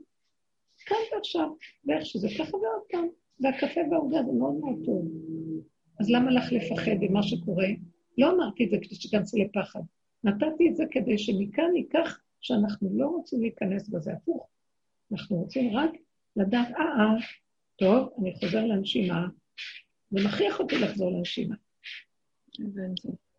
הבנת? מתוקה. כן, כן, כן, הבנתי. לא, אל תיכנסי למחשבות ואל תשרחבי, לא לזה התכוונתי בכלל. נתתי רק איזו דוגמה שאני רואה שגלים קורים, ובגלים האלה מה נעשה? ככה זה וזהו זה. וגם אם לא בא גל כזה, ופתאום ראית את עצמך עושה איזה דבר שלא רצית לעשות, ופתאום, אז אל תדוני את עצמך ואל תשבתי, ואיך שזה ככה, נתתי את הדוגמאות על הצד הזה. כי עכשיו דרך זו רוצה להתגלות, להראות לנו, לראות אם אנחנו נשברים, כל הניסיון הוא לבדוק אותנו אם אנחנו נשברים.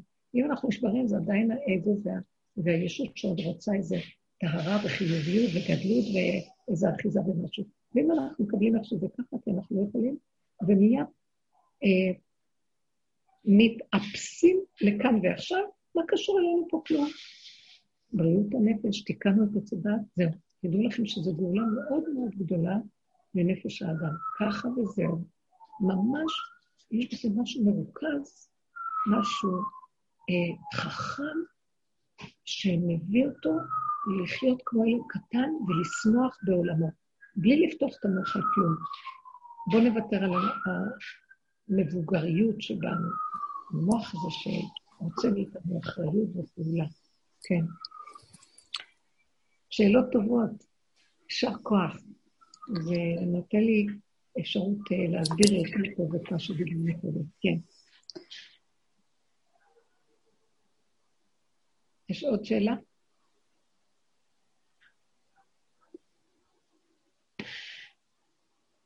הרבנית, כן.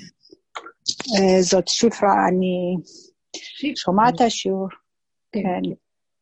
אני שומעת את השיעור, זה כל כך נכון מה שאת אומרת, כאילו, איך שאנחנו עובדים עם עצמנו. אבל הבעיה היא... כולם ישמעו שפרה מלוס אנג'לס, שפרה. תמסרי דרישת שלום לחברות שם. תודה. כן. אני דיברתי איתך על זה, אני לא יודעת איך להתמודד עם זה עם האנשים מבחוץ, מסביבנו. כן, איך, כן. אנחנו, איך אנחנו יכולים להסביר להם שכל מה שקורה בעולם, יש, יש בורא עולם, יש מישהו ששולט, הוא אחראי על הכל. ואנחנו בכלים שדרכנו הוא עושה את מה שהוא עושה. כשאנחנו מדברים כך, ואני מנסה להסביר, גם שאני לא רוצה להסביר, אבל בואי נגיד שהם מכריחים, אה, לוחצים, ואני מגיעה למקום שאני מוכרחה לפתוח את הפה, אז הם מסתכלים כאילו אני תימהונית, אני חיה באיזו אשליה, באיזו בועה, ואני לא יודעת איך להתמודד עם זה. כן. אני אגיד לך משהו, שהדרך שלנו מביאה אותנו יותר ויותר להיות אנשים עם חוזק הלב. אנחנו בדרך הזאת יותר ויותר לא מוכנים להיות תלויים במה שיגידו ואיך אחרים רואים אותנו. יהיה רב להם איך שרואים אותנו, מה שהם אומרים עלינו, לא כלום. מה זה קשור אליי? אדם בדרך שלנו, אם הוא משלים, וזו הנקודה, להשלים עם הפגם שלו ולקבל, אני נראה מאוד מוזר. את אומרת לעצמך, כי הם דנים אותי, מסתכלים עליי בצורה מוזרה, את מנותקת. ממי אני מנותקת? אני חיה בנקודת אמת, הם קוראים לי מנותקת, כי התנהגות של העולם שלהם היא שקרית, אז אני מנותקת מהשקר שלהם, ובעיניהם אני מוזרה, מוזר הייתי לאחי ונוכלי בני. אם כן, שיפילו, תשלימי, אני מוזרה. אני מוזרה, כן, לעיניכם, מי אתם בכלל? אנחנו, אנש, אנשים שהולכים בדרך הזאת, צריכים לקום סוף סוף עם עמוד שדרה ולהגיד, אני לא רוצה לריב עם העולם ולא רוצה לעמוד מולם בתחרות. לשתוק ולהיות עם חוזק פנימי שמעריך את עבודתו ואת סבלותיו בדרך הזאת ואת נקודתו. סוף סוף אנחנו צריכים להעריך שאמת כזאת ברורה, מדויקת, אה, שהיא כל כך דקה, מי זוכה לזה? אתם, בעבודה שלכם, יבוא איזה אחד, שכל כולו באיזה מין הבלי העולם, ורואה אותי בצורה משונה, ואני אשבר ממנו, מדוע את רוצה לרצות את העולם? כמוני כמוך, כולנו ככה. עד שנגיע להחלטה, לא רוצה לרצות אף אחד, שיגידו שאני מוזרה. תשלימי עם הפגם. אנחנו לא משלימים עם הפגם. אנחנו רוצים להיראות טוב. אנחנו רוצים, אה, יש לנו מחשבה, זה בני הבית, לא רוצים להתנתק, שלא נראה משונים. אני מכירה את זה. לא אכפת לי להתנתק, הם לא נותנים לי להתנתק, זה הבעיה. לא נותנים לי. לא, אבל... אני... לא יכול. כמו שאחת הבנות אמרה שהיא בכיף שלה עם הכוס קפה ועוגת גבינה שלה, אני רוצה להיות במקום הזה, אבל לא נותנים לי. אני משתדלת להגיע למקום הזה, אבל מחזירים אותי, מכריחים אותי לחזור שוב פעם למקום שהם נמצאים. אני משתדלת להתנתק, משתדלת לא לקחת את ההערות שהם מעירים לתשומת ליבי, או לשייך את, לשייך את זה אליי. אבל בעל כורחי, אני נכנסת שוב למקום הזה. שפרה, אני ממש ראיתי אני זוכרת את זה. אני יודעת מתי חל אצלי המהפך. כשהחלטתי שאני מקבלת את זה שהם לא יאהבו אותי. שאני מקבלת את זה שאני מוזרה. שאני מקבלת את זה שאני שונה. והסכמתי והודיתי, כן, אני לא רוצה גם להיות אחרת, רק איך שזה ככה. התחילו להשתגע עליי. את לא מבינה איך השתלבתי עם הכל, איך שזה. אני, כי השלמתי, נכון, אני מוזרה, וזה מה שאני. התחלתי לעשות צחוקים. לרקוד, לעשות כל מיני דברים עם עצמי, להגיד ככה, וזה אני. את לא מבינה. כשאני מקבל את עצמי ואיך שאני, אני חזקה וישרה, ואפילו אני יכולה להעיר הערה חזקה, מה שפעם פחדתי להגיד להם, ולא יהיה אכפת לי מה הם יגידו, הם מעריצים את זה. הם רואים את החוזק ואת האמת. מה אכפת לי מהם בכלל? אני, את תלכי לאמת הזאת, יחידה בעולמי עם הקפה והעוגה. זהו זה. אמת, את יודעת משהו? כולם יחידים בעולמם, רק נדמה להם שהם לא. והם עושים כל מיני פעולות של כאילו חברתיות, וכאילו עולם, והכל מאוד מאוד מאוד שטחי, כי האדם קשור לעצמו יותר מהכל. מה גם שהוא קשור לעצמו באנוכיות שלו, ואצלנו זה קשור עם הבירור, כי העצמיות שלי, כשאני מתבררת בתוכי, זה כבר הנגיעה בשכינה שבי, וזה אין להם. אז אנחנו במצב שאת צריכה רק להודות להשם, לחבק את הנקודה שלך ולהתחזק חזק חזק. זה... ולהגיד להם, להגיד להם בפירוש, תקשיבו, אני מקבלת את עצמי איך שאני, אני בדרך של אמת, אתם רוצים, תעשו מה שאתם רוצים, אני אוהבת אתכם, אני אשרת אתכם, אני אעזור לכם, זה חלק מהחברות בינינו. אתם במקום שלכם, אני במקום שלי. אני לא מוכנה לוותר על נקודות האמת שלי, כי זאת האמת שלי. זה עוד, זה עוד יותר מרגיז אותם, אני עושה את זה, אני שם באמת, אני אומרת לך, מכל הלב. מה אכפת לך מהתגובות שלהם? זה אכפת, כי את חיה איתם 24 שעות, את לא יכולה להתעלם מכל דבר. אה, אני חיה שם, ואני רואה שזה מפריע להם, אני יודעת שהם רוצים להיות במקום הזה שאני נמצאת. אני מרגישה את זה, הם מחפשים את האמת. הם רוצים לדעת בדיוק איך אני עושה את זה. אז תקשיבי, אבל... ככל שתשלימי ותחזקי ותקבלי בלי להתפשר, הם יבואו לאמת. את מפריעה להם להגיע לאמת על ידי זה שאת מתחשבנת להם. אסור לך להתחשב בהם. כי אז את מונעת מהם להגיע לאמת. כשאת עם האמת חזק, ואת לא שמה נכון. כלום, ואת אומרת, זה מה שאני, ואני אוהבת אתכם, זה לא קשור, לא אוותר על הנקודה, אז הם יבואו לאמת. זה קונה אותם, זה נקודת החוזק הזה, זה השם מתגלה שם.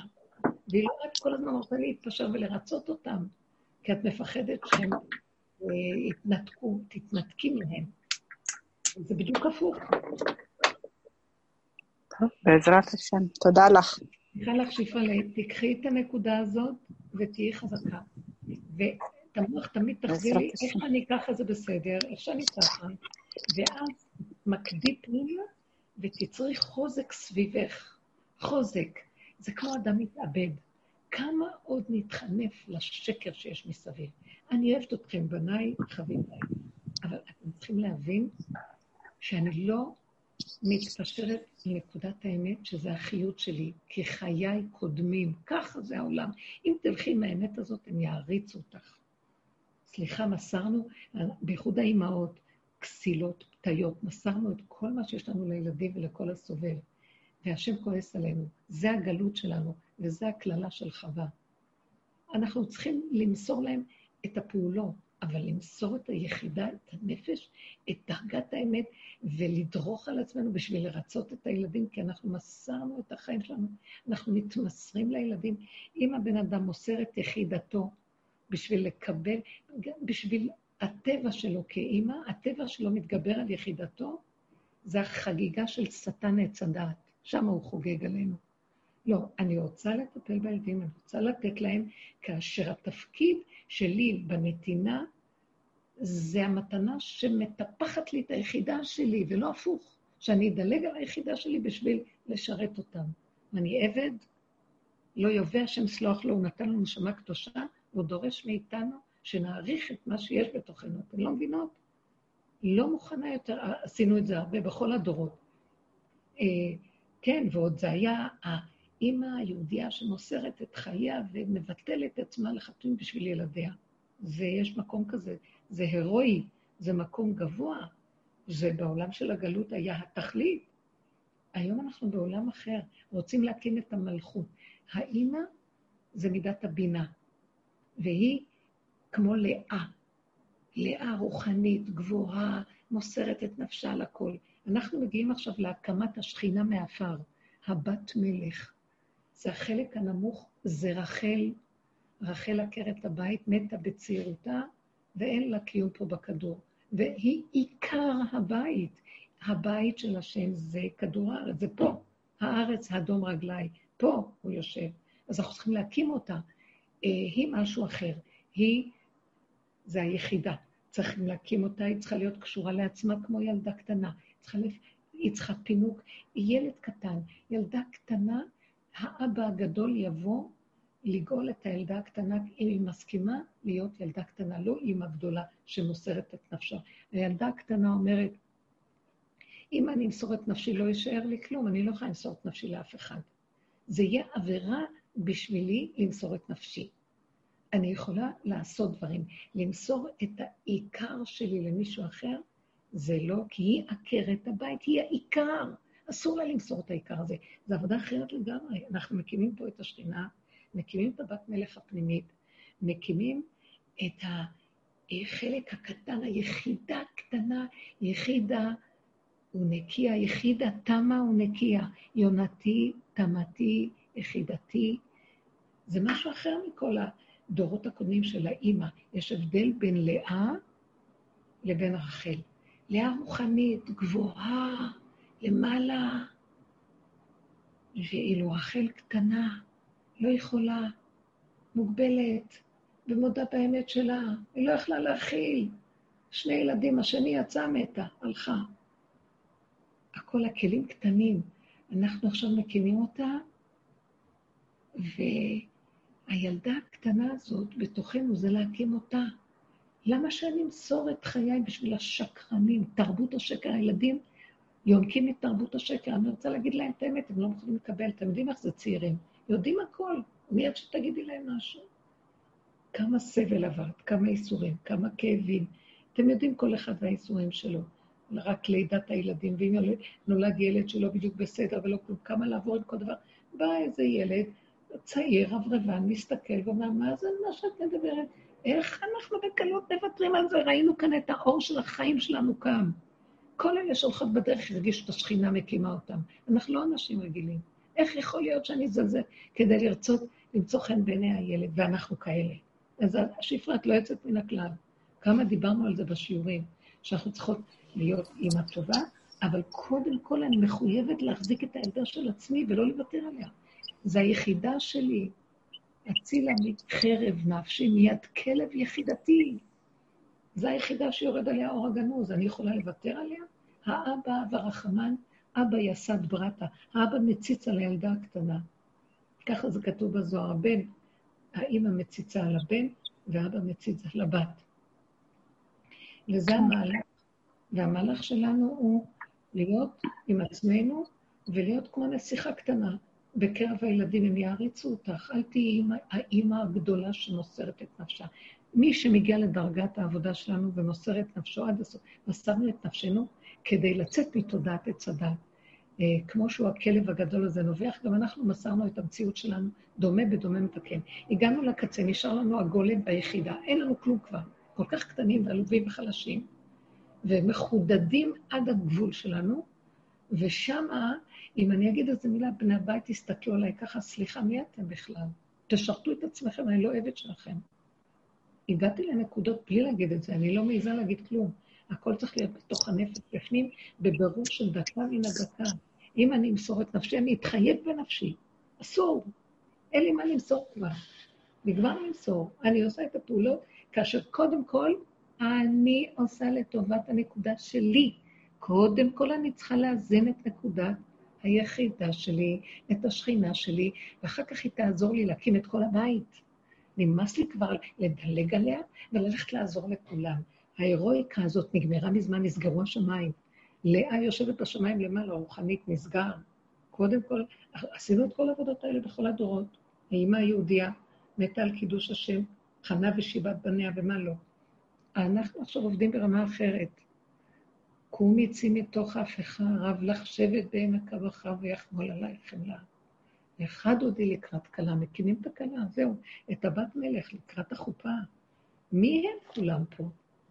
אז הם לא רוצים לקבל, אני, הם הילדים שלי, אני אוהבת אותם, אני מעריכה אותם, אני מעריצה אותם, הם מדהימים.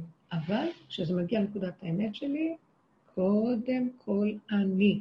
זה אני שנקרא השכינה. זה לא אני אנוכי, זה אני השם שבתוך האדם. זה המדרגה שאנחנו שם עובדים. ואל תוותרי שפרה. והנקודות שלך, תהיי חזקה, מי הם בכלל? תגידי כל פעם, מי הם בכלל? עוד מילא היו הולכים בדרך, הולכים באיזה נקודות. הם בעצמם רוצים ממך כיוון, כי את מדהימה, יש לך קבוצה שם בארצות הברית, היא מחזיקה את קבוצה שלמה והיא מטפלת בדרך, מלמדת אותם הכל, שאת תשחררי בפניהם, הם צריכים לרדוף אחרייך. ומה שאני אגיד, לנשק את ציציות עפר כפות רגלייך. תדעו לכם, תעריכו את עצמכם ואת הדרך. תעריכו, לא בשביל להתגאות ולא כלום, אבל לבטל אותה ול, ול, ול, ולהתמוסס בשביל איזה מישהו שייתן לי איזה מבט. הילדים האלה במילא קמים והולכים ועוזבים אותנו, מה אכפת להם? זה סדר העולם, העולם פה אכזרי, תודעת עץ הדת אכזרית. תני להם את החיים שלך ובסוף הם הולכים. כי ככה זה העולם פה. טיפש מי שמוסר את יחידתו. לא יובע השם סלוח לו. זהו. סיף מלא, אני אוהבת אותך מאוד. גם אנחנו אותך מאוד מאוד. חזק וברוך השם ישמור אותך, ושתהיי בריאה ותמשיכי להדריך אותנו בדרך הזאת. את השם, כולנו ביחד, באחדות שלמה, אמן. תודה. אמן, אמן. חזקי תמצי, וכולנו גם יחד. אמן, גם אתם. תודה.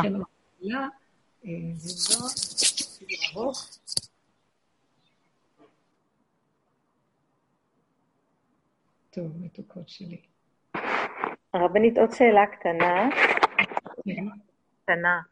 אה, יש לי חברה ככה שהולכת, אה, שהיא לא הולכת בדרך, ואני מרגישה שהיא ממש צריכה הכוונה, ואני תוהה עם עצמי, זו תופעה, אני תוהה עם עצמי האם להכניס אותה בדרך, או שלהגיד לה את התורה החדשה הזאת, איך שאת זה טוב, למרות שיש מלא דברים שאני רואה שהיא חסרת מודעות לחלוטין, אבל היא כן אה, חכמה, חכמה בתוך העולם. ויש לי את התהייה הזאת, האם באמת להגיד לה איך שאת זה טוב, אה, איך שזה ככה. יכול להיות, תראי, כל דבר לפי הרגע. כשאת נמצאת איתה, ופתאום היא מספרת לך על איזה כאב שיש לה ממישהו אחר או מישהי אחרת, או מה לא חשוב מה, אז תתחילי להגיד לה את המושכל הראשון של הדרך, שהכאב שיש לה זה, זה לא שהשני גורם לה אותו, הוא רק המראה במקל להראות לה את עצמה. תתחילי איתה ברמה שהיא יכולה. יכול להיות שאחרי שתי שיחות תוכלי גם לנגוע כבר בעומק הזה של עכשיו. אה, לא צריך לחכות הרבה זמן כמו שאנחנו עברנו מתהליך לתהליך, אבל את יכולה לדבר איתה על כל התהליכים, תלוי במציאויות השונות שהיא עוברת, את מבינה? לפעמים באה בא מישהי והיא לא, באה לשיחה והיא לא בדרך, אז אני אומרת לה, לפי המהלך שנראה לי באותו רגע, שהיא כל כך כאובה מהצד השני, אז אומרת לה, את חושבת שזה הוא? זה לא, את יודעת, זה רק נדמה לך שזה הוא. באמת, באמת, אם יש לך כאב ויש לך איזה הרגש ממה שהוא אמר, כנראה שזה נוגע בך בפנים, יש איזה משהו שהוא דומה. אז זה לא השני, השני המראה והמקל, לא שהוא צודק, לא שהשני מלאך, אה, אבל מה קשור אלייך?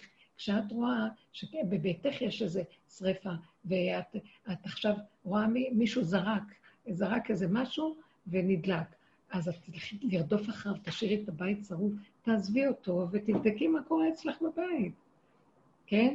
המהלך הזה, את צריכה לחדד לה אותו ולהביא לה אותו. אם היא במקום אחרי כמה זמן, או אחרי שאת אומרת לה את זה, אז היא אומרת, כבר ראיתי את עצמי, זה לא עוזר לי, זה לא ככה, אז תגידי לה, אז אם כן, קבלי, תשלימי, זה לא כלום, זה לא הוא, זה לא את. זה תלוי ביכולת של האדם להכיל. מבינה, עפרה? תסתכלי כן. ותדמיני. וגם אם אמרת לה פעם אחת, אה, לפי הפשט, אחר כך חזרת ואמרת לה יותר עומק, ואם חזרת עוד פעם לפשט, אל תתבלבלי, כל רגע הוא משהו חדש. גם אנחנו בדרך. אני יכולה פתאום להגיד לכם איזה משהו ששייך למהלכים הראשונים הקודמים, של סור מרע ועשה טוב, וזה בסדר, מבינה? זה כן. תלוי רגע ואיכשהו. כן, לגמרי, נכון. זה ממש חי ברגע. לפעמים אבל אני רואה שהיא פשוט לא קולטת, יש שם איזה קושי, ואז אני אומרת, עופרה, תשחררי, תהיי איתה, תשמחי איתה, את לא צריכה ללמד אותה, לא צריכה להעביר אותה עכשיו. בדיוק. פשוט תקשיבי בכיף, תהיי קלילה איתה, וזהו, את לא הולכת לשנות עכשיו את העולם. וזה מקום שרוצה עדיין ללמד ולהכניס את כולם, ויש בי מקום שאומר, די, תשחררי, כל אחד איכשהו, פשוט קבלי אותה ככה, תראי אותה בעיניים חדשות, וזהו. תדעי לך, עופרה, ואני אומרת את זה לכל הבנות, זה שאנחנו עובדות כבר, אה, מה שנקרא, אה, מזכה את כולם.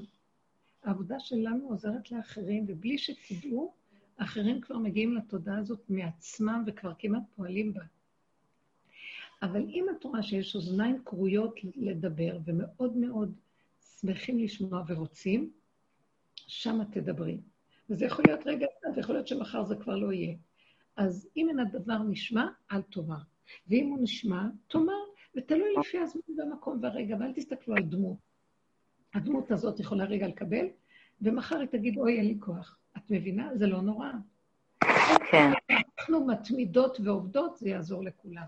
ודרכם, אותו אחד שעובד סביב מעגל המשפחה, מעגל החברים, המשפחה,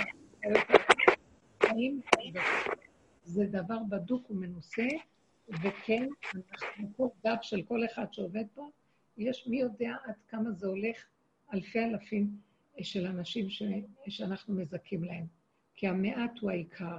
תודה רבה לכן יקרות, וישועות, והשם ייתן לנו חן וחסד ורחמים, ועוצמה אה, של אמת, שאיך אומר ישעיה הנביא, על כן אדע ולא אבוש, שמתי פניי כחלמיש. אני יודע, או לפי הסדר האחר, על כן שמתי פניי כחלמיש, ואדע ולא אבוש.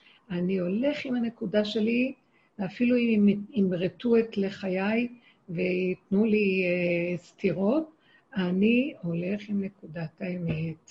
זה עם ישראל בכל הגלויות, איפה לא הלכנו ומה לא עמדנו, ומול אומות שהם סותרים אותנו, והדרך של היהדות סתרה לחלוטין אותם, ולא, ואנחנו עוד בשטח שלהם, ולא נכנענו ולא ויתרנו. למה שנוותר? אבל לא לריב ולא להתווכח ולא להתנצח.